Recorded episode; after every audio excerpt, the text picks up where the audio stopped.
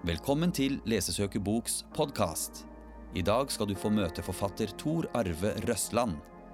Først skal vi høre forfatteren lese fra sin siste ungdomsbok Den tolvte spilleren, en roman i serien Grøss og gru.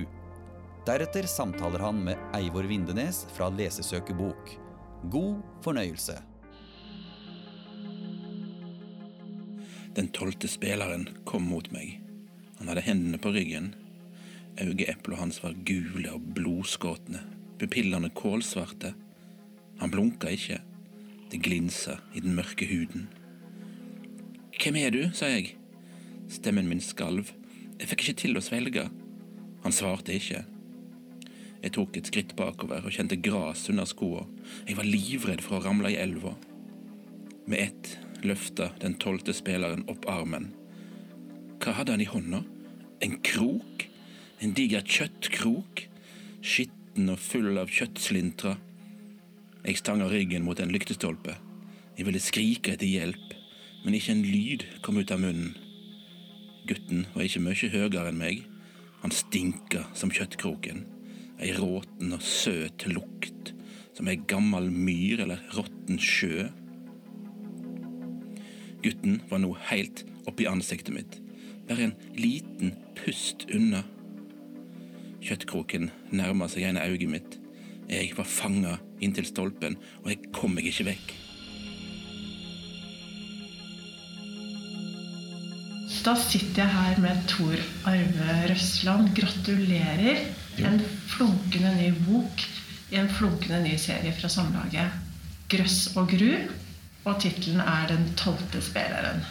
Kan du fortelle litt hvor kom eh, ideen fra til den boka her? Ideen kom jo fra en forespørsel fra forlaget. Hadde jo lyst til å skrive en grøsser for ungdom.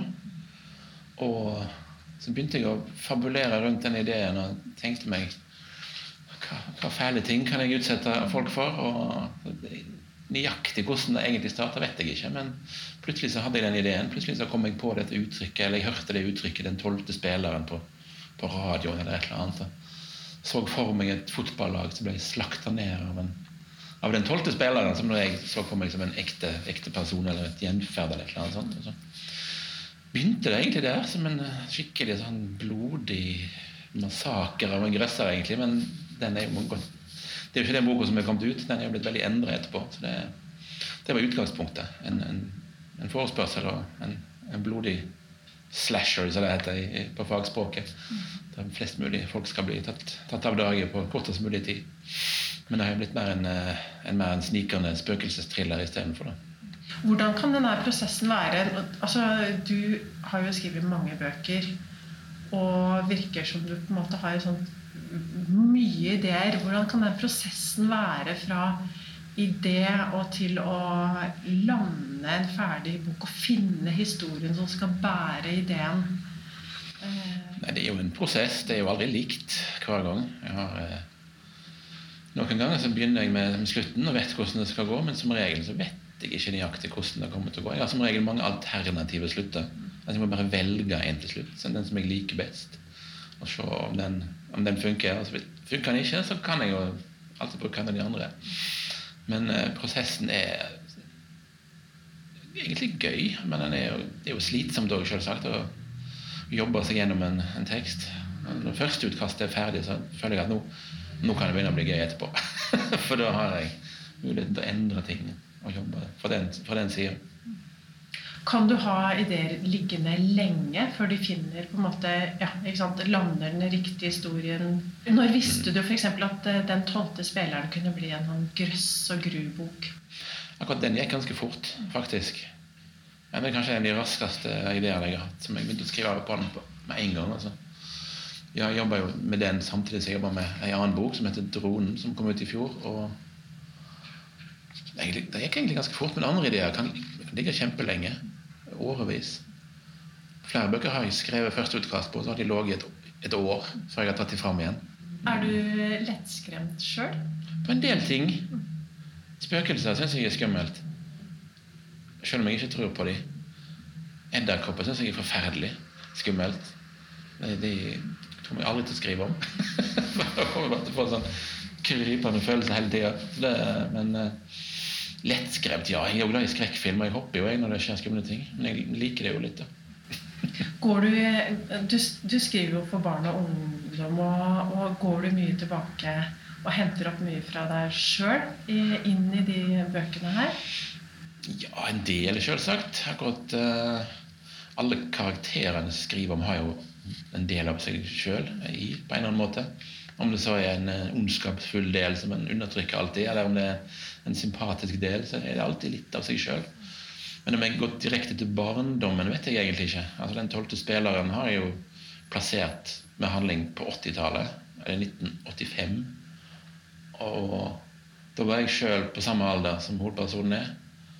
Og jeg har nok ubevisst tatt ting fra den tida sjøl og lagt inn. Men uh, hvor masse vet jeg ikke. Det er vanskelig å si. Jeg blir aldri kvitt barndommen sin. Var det deilig å slippe å tenke på mobiltelefoner når du skrev? Ja, det er jo befriende å ikke ha med moderne teknologi. De kan ikke søke opp på nettet og de kan ikke ringe til noen for å komme seg ut av en situasjon. Så det, ja, helt klart befriende. 80-tallet fungerer veldig godt som en sånn setting.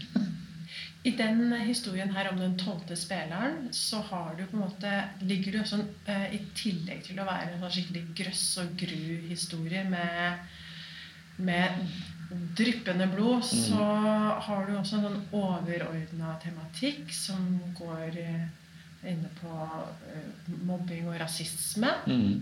Kan du si litt om ja, hvordan du forener det her inn i uh, skrekk- og gru-sjangeren?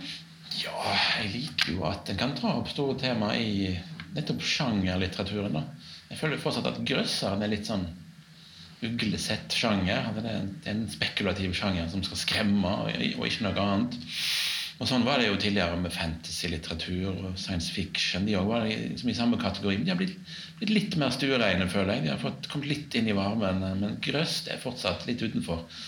Jeg har alltid likt krøss veldig godt. da. Det har vært liksom den sjangeren jeg begynte å lese når jeg begynte å lese bøker. Da begynte jeg å heime med Stephen King da jeg var liten. Og leste jo ikke ungdomsbøker. jeg. Jeg leste Stephen King.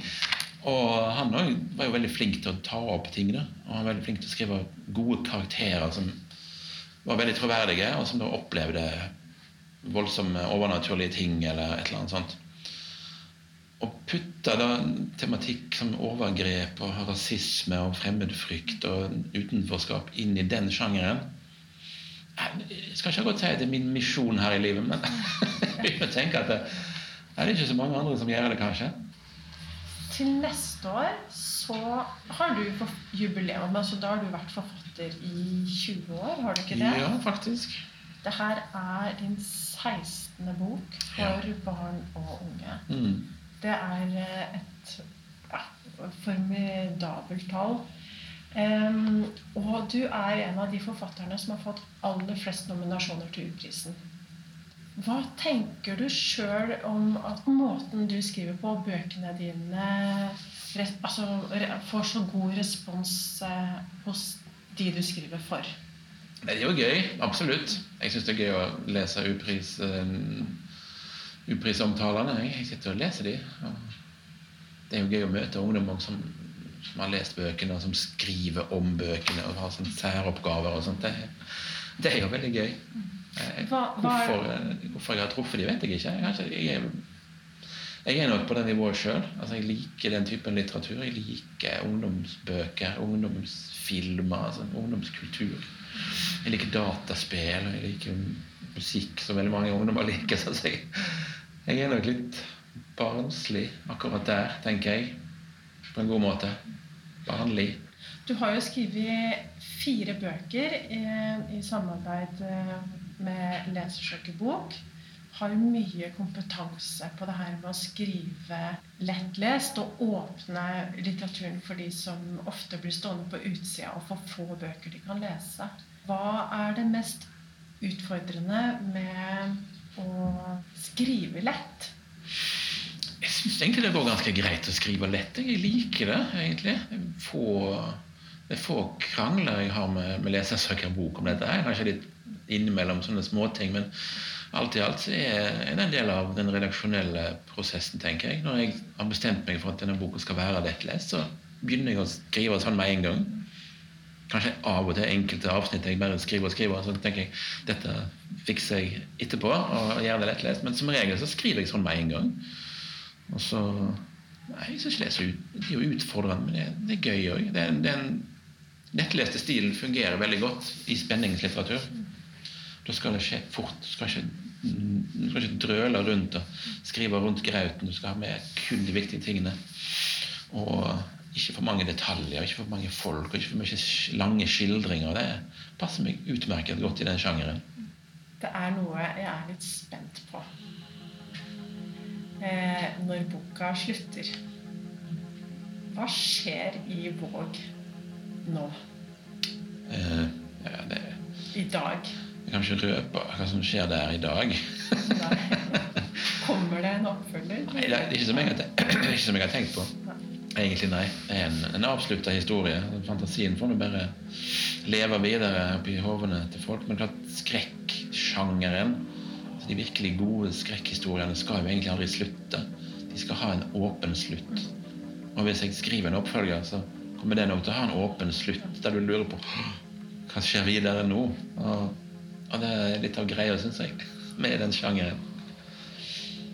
Så ingen, ingen oppfølger i sikte ennå, iallfall. Vi gleder oss eh, til å formidle eh, Den tolvte spilleren i Lesersøkebok. Vi veit at det er mange som sitter og venter på god nynorsk grøss og gru. Takk for at eh, du tok deg tid til intervju, og gratulerer med din 16. bok. Tusen takk.